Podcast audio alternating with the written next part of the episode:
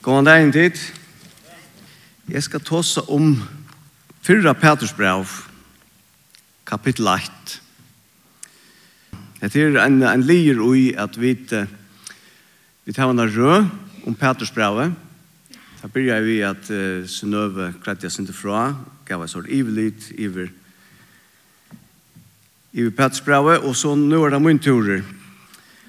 Og evne er, jeg synte, at det er den vånen som vi hava i at det kommer Jesus her.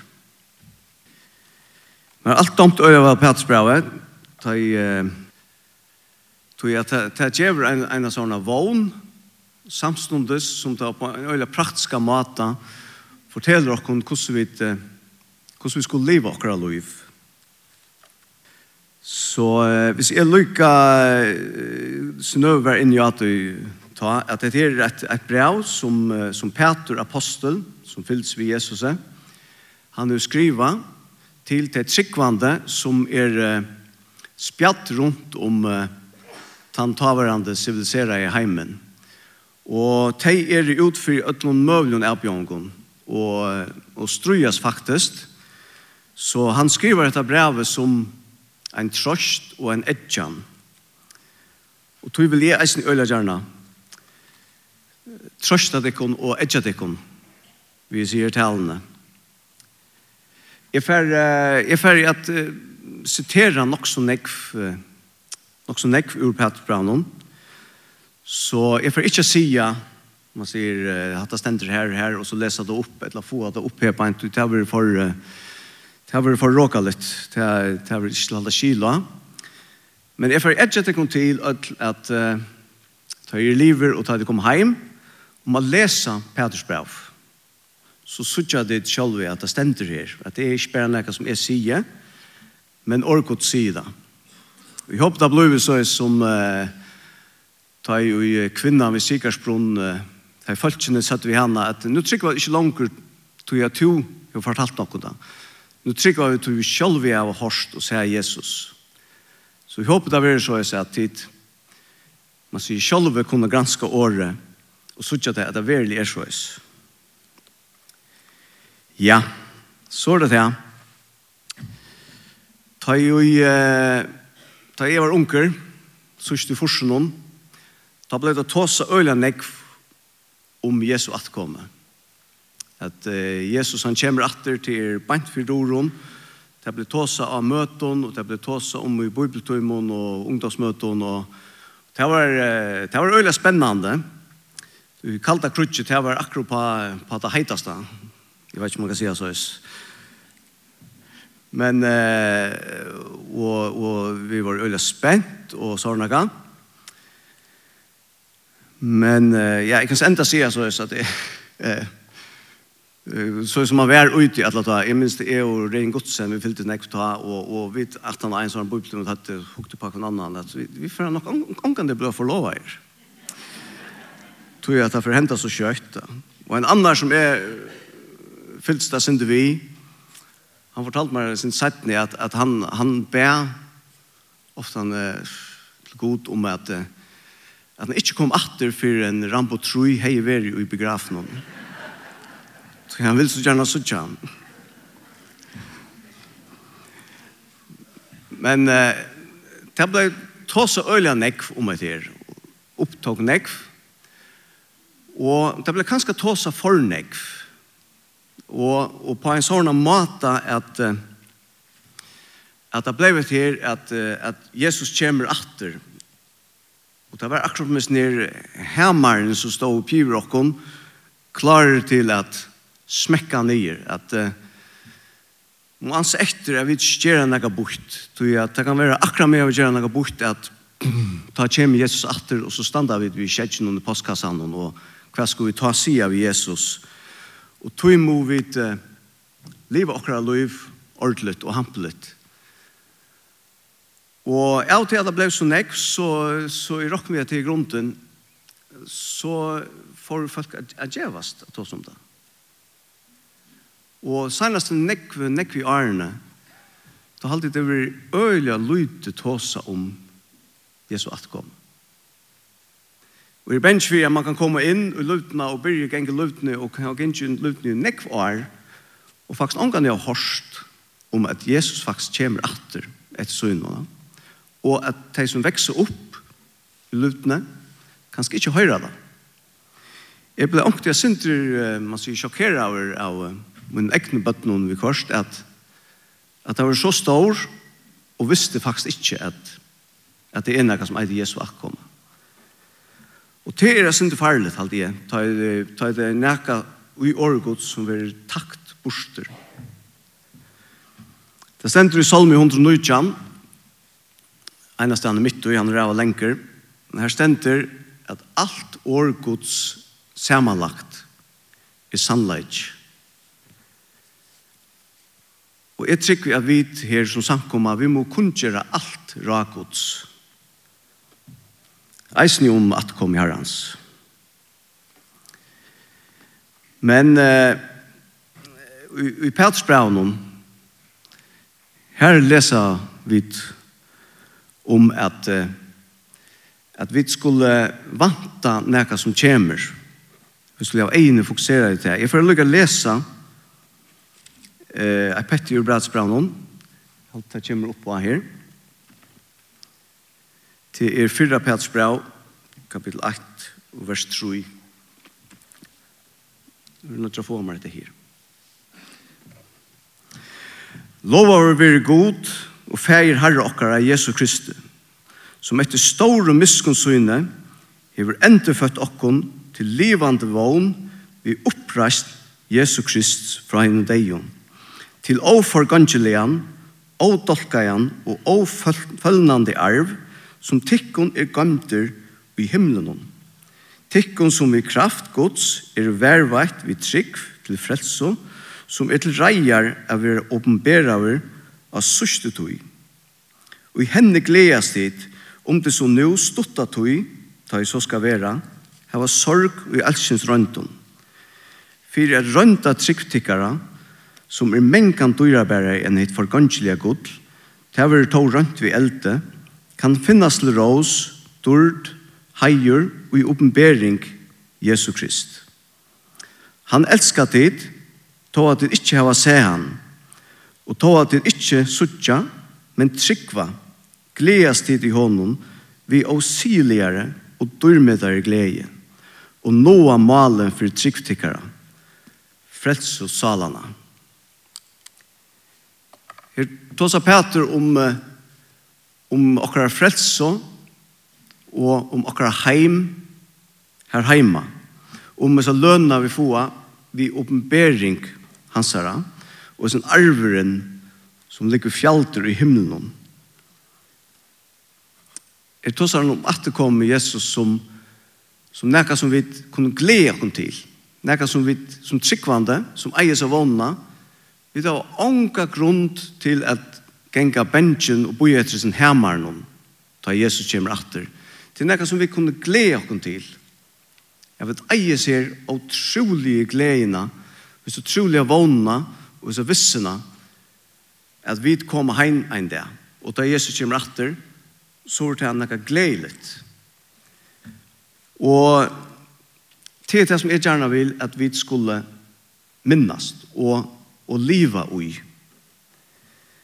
Det er Søren Kyrkegård, han gjør det en av nekka, han hei en, en, en, en dame, og så bjør han henne i teater. Og man sier om en av vike så får vi vite teater. Og hun gledde seg nekka sånn jeg, hun var simpelthen så spent, hun elsket jeg for teater, og Och ta, hon blev bara späntare, späntare, gleder, man sier, det er en norska häst. Så kom han etter, etter henne ved en hestavåkne, hun kom på i. og så får det iver, så stekket det utenfor teatret. Så det stekket jeg, så säger Kursuren Kirkegård, forventningens glädje är alltid störst. Och så får det vågar. Det kommer i omgang inn, men hon är väl glad och en vike. Det här hejar han givet ja. Ja. Og forventningens glede er nekka fantastisk nekka, og det er nekka som vi kunne liva i. At vi vanta Jesu at det kommer. Vi kunne gledast vi å siligere glede om at Jesus kommer atter. Det er så fantastisk. Og så er det til hvor, hvor, hvor gjør jeg ofte han ikke til. Eh, Jeg har nekra grunter som er mistanke jeg sin det fire. Og det er til at vi at vi, vi, vi missa fokus av Jesus og vi missa fokus av at det kommer hans her. Og få, man sier, egne for Jesus her, for Jesus heime, ja. Jeg vi begynne at gjøre oss makelig. Jeg har det godt til beint. Og til er noe som er øyla frastande i fyrrjon. I fyrrjon har vi det så helt utrolig godt. Vi er nok ikke i akkurat samme støve som det var det som eh, Paulus skriver til ham, selv om det er utrolig nek folk i alle verene som er i akkurat hessa støvene. Men vi er det kanskje ikke. At vi gjør ofte at vi tok seg et her løyve, er man, er man få som mest på sjur. Er man få en god utbygging, jeg må få meg en kone og familie, jeg må få et godt arbeid, jeg må dyrke omkring utrått, jeg må passe vel på min kropp, jeg må, jeg må etterutbygge meg, jeg må realisere meg selv på forskjellige måter, jeg må røkne mine viner, jeg må lese bøker, jeg må feres til eksotisk stø, tog at vi har bare hette løyve, og jeg må nå alt på hette løyve så blir det til at vi renner etter sin her løyvnån alla tøyene, og så karer vi det til at så skal Herren sikre noen med å gjøre det. Og vi glemmer lukka som at det er ikke bare hette løyv. Hette her løyv er ettersøkt, etter vinter. Og det stender i Korintbraun og at uh, om det best er i hesen løyve, vi har sett okkar alit av Kristus, så er det meira grunn til å takke synd i okkon enn i nøkron øren menneska. Vi er himmelborgar. Vi høyra til himmelen, og til okkar heim. Og etter her heter en utlegtartøy, som han eisen nevner i, i braunum. Eh, Petor, Kjolver, som hun skriver det brevet, han var eisen ut, han tjekk ena for ut av, av vattnet. Han ber Jesus om at sier, er det to, så blir vi kommet ut av genka av vattnet. Og han tjekk, hukte av Jesus, men så da han får hitje et tusen verden rundt om, så begynte han å søkke, og søkke. Og det var ikke fordi han fikk en i atra Jesus, at han, at han gav seg søkke. Og etter samme med som skriver det her, at vi må minnast hva er i vante. Vi må minnes hva vi eier hjemme, og vi må minnes hva kommer etter oss. Et annet som eisene er kanskje en vante hvis man tåser for nek om at det kom i herrens, hans, til det er født ble sinne lykke selv, at at jeg behøver ikke gjøre noe. Jeg behøver ikke at få meg en utbygging, til at Jesus kommer etter på en av veien. Jeg behøver ikke at male husene, jeg pjøvest, jeg pjøvest ikke gjøre, vi pjøvest ikke bytje denne bygningen til at Jesus kommer atter. Det er ikke fyllt til det vante, men uh, her sier Peter at han, har at han har fortalt etter til at vi er en heim heima, Letje tui av at atlan ønskap og gyrir lentar sinnestikkere. Det er, det er ikke som en soveputa, dette skal brukast, at Jesus kommer etter okken. Vi, vi var jo ikke rombrau her fire, ja, til et hånd nok så lenge siden. Men her stender eisene, her, her vil ta så øyne om nøye, og nøye, og nøye, og nøye, og nøye, og nøye. Og så spyr han ene for, altså skulle vi, skulle vi så synta meira, for at nøyen kan være oppe til større. Men han sier, minne igjen så, det skulle vi ikke gjøre. Det er ikke det nøyen skal brukes til. Og det er ikke det at uh, boi etter at kom i herren skal brukes til at vi skulle bare lette oss nere og sove og ikke gjøre. Og så er det eisen til at uh, at uh, at, at, at to som at kom i herrens er, er ikke så øyla populært, altså. Det er lukka som ofta så hekk man nu nu är tojartechen nu nu nu kommer nu nu er Jesus spant. Om hjärna. Men så blir det inte lika väl. Man tror det kanske vi kalla krönon og så kom corona og nu er Jesus spant om det her. Men nei, så var det inte lika väl og og nu är krutju Ukraina, nu er det. Og ja, jag vet inte. Om ett år kan vi si at det, at det ikke var det, men nu vet vi ikke. Men eh, etter her, det stender av sørste døven, så skulle det komme spottar, stender eisen i bra persbrann, men bra settene pratsbra, ja. Hva verer av lyften om om kom i hans herre? Her til er alt verre, så er en heimer var skapter, og fetrene sjåna, va? Ja Men så sier han nesten her, det kan komme atra seitene, kvui at det kanskje ikke hente enn at Jesus kom natter. Men uh, hentan her, gleden som Paulus sier at vi skulle leva i, det er nekka som vi får bruk for det. Så i Petsbrevet sier vi gjør det. Her stender at vi skulle gjøre lentar sinnes okkara. Vi har en oppgave her. Jesus sier, med anna vi Peter eisne, han var til sier, han hørte bønna som han ber for heimen, at jeg byr ikke om at du skal teka deg ur heimen, men at du skal verva deg ui heimen. Så det er ikke av heimen. Vi er jo i en heime som vi ikke høyra til. Vi er gjester, og vi er utlendingar. Men vi omboa en annan heim. En heim som er helt ørvuse enn hesen heimren som er i det. Og tar vi omboa han, så er det noen ting som ikke er, man sier, som, som, som ikke passer så vel sammen med hesen heimren. No? At uh, han sier at vi skulle Jeg sier i øren kapitlet han byrjar vi. Ledger du av atlan ønskap, alt svik, hikl, alle øvund og alt baktal. At her er sår som ikke høyr heima i himmelen, alt det der, ønskaper, baktal og hykl og alt det der. Og vi skulle omboa tannheimen, ja?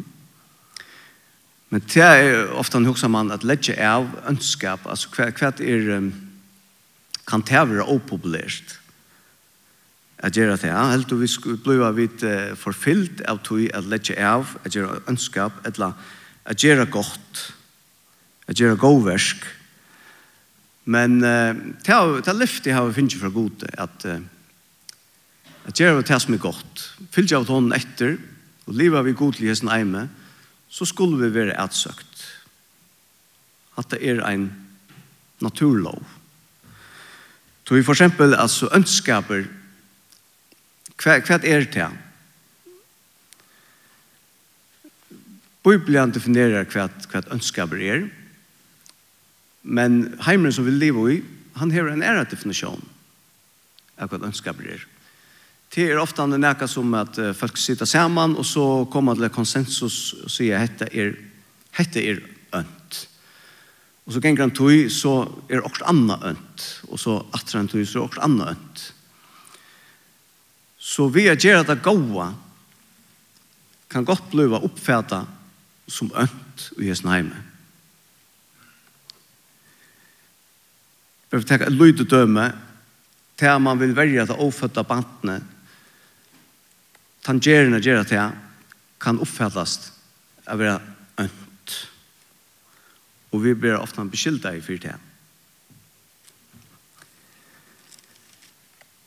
Men hatt er vi kattleie til at gjør dette her, og han sier her eisen at Lukka jeg leser et, et brått her. Tid elskavå er amen tikkun som gestur og utlendingar, at halda tikkum fra hinn holdelig listum, som er i balbardi av i salina, og hava gåan ætbor i mittelhetningarna, så tei om tei no bæktela tikkum som ildgjere menn, kunne suttja gode verstikkara og for tarra skuld prysa gode vitsnar degin. Så tar vi gira lentar sinnes okkara og sier nu får vi at liva for Jesus, liva som himmelborgare, som ambassadører for himmelen, så kommer vi til sender ut i trobelager. Vi kommer ut i trobelager vi antaverna, som ikke innskjer at vi skulle fylle herren om, som innskjer at rene okken, stjæle fra okken og få okken nye. Vi lever i en heime som ikke vil vite av Jesus som er stort er av en, en andre her noen, som vil mot dere, og etter tre at vi strøyes vi okker ekne holdt at kjølt vid strøyes i mot dere, andan om vi kvørst. Så her er en øylig bardeg. Jeg lukker som det her var atles oppgavene, alt det som er utenfor, og så eisene okker ekne holdt. Jeg har en bil nå, som kjett for fire, deilige biler, fyrhjulstrektor og alt mulig.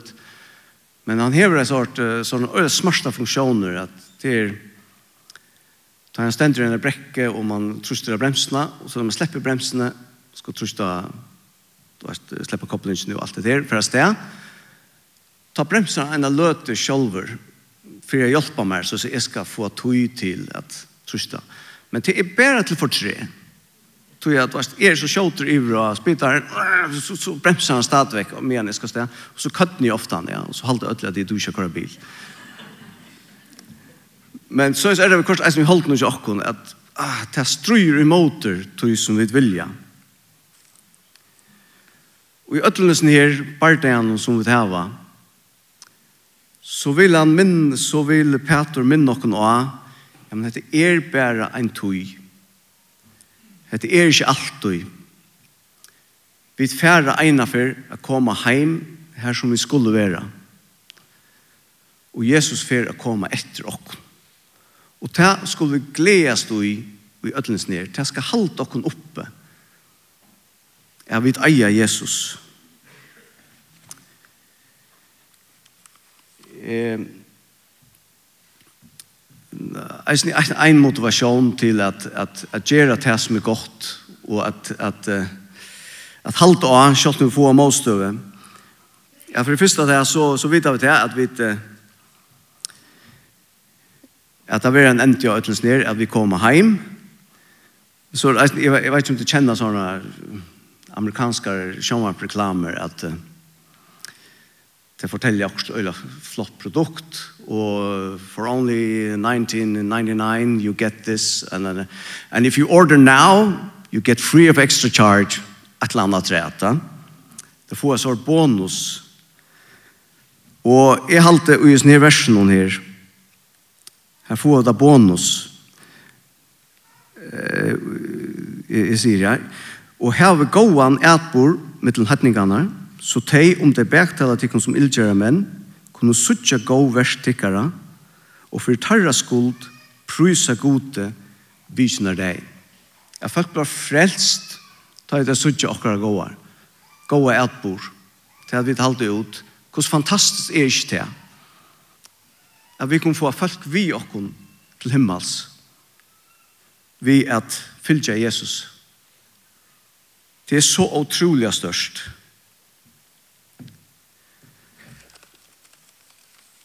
Nu skal vi prøve å enda her.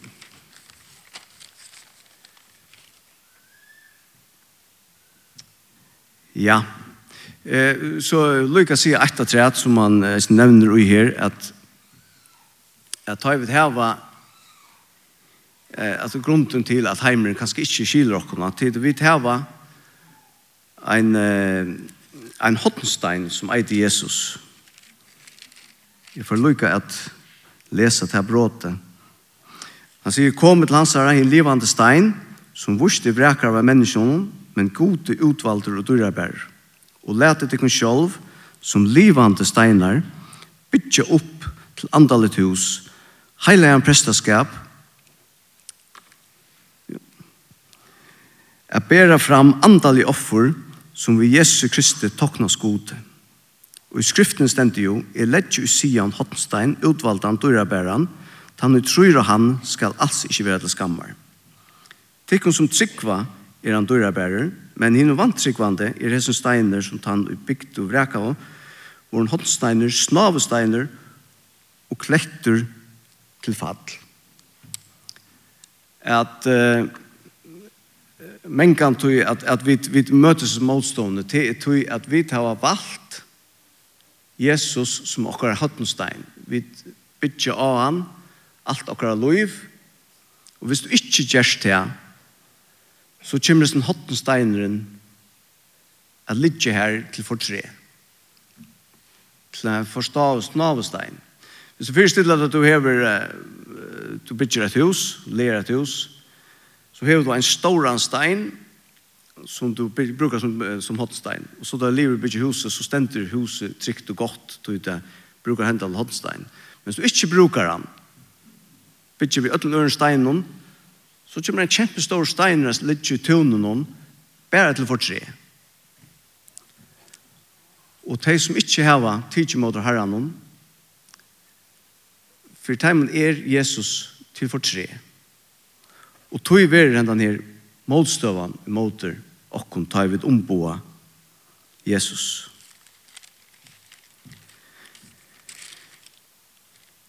Men jeg vil si at, at jeg vil gjerne etter at jeg kom til at at livet og Jesus, at vi eier en fantastisk vogn i herren, og at vi kunne gledast, vi bjørst ikke at stora fire, men at uh, vi, vi suttja nek tekn, altså at sin heimeren, han, han, han blir oppe, det ser ut som dolching i ferieger enda heim noen, det ser ut som crutch i ferieger enda heim noen. Det ser ut som uh, hette fer at halde opp et, men vi prøver ikke over benchen bensjen. Du vet, nekka som henter, så er det hessen heimer fer halde opp et, ikke tog at at uh, visende folk sier at her, her gonger alt gale, men du er god til å lova det. Han sier at affæren enda, og er ferdig å komme etter til Men er det så løs at du ikke kjenner Jesus, og ikke hever seg vannene, så hever du, uh, så hever du ikke godt du vant.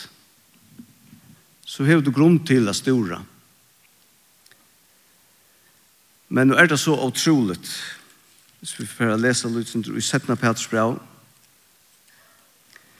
Det var nemlig om et ertøy som spotterne koma og sier kvever av kom og hans herre.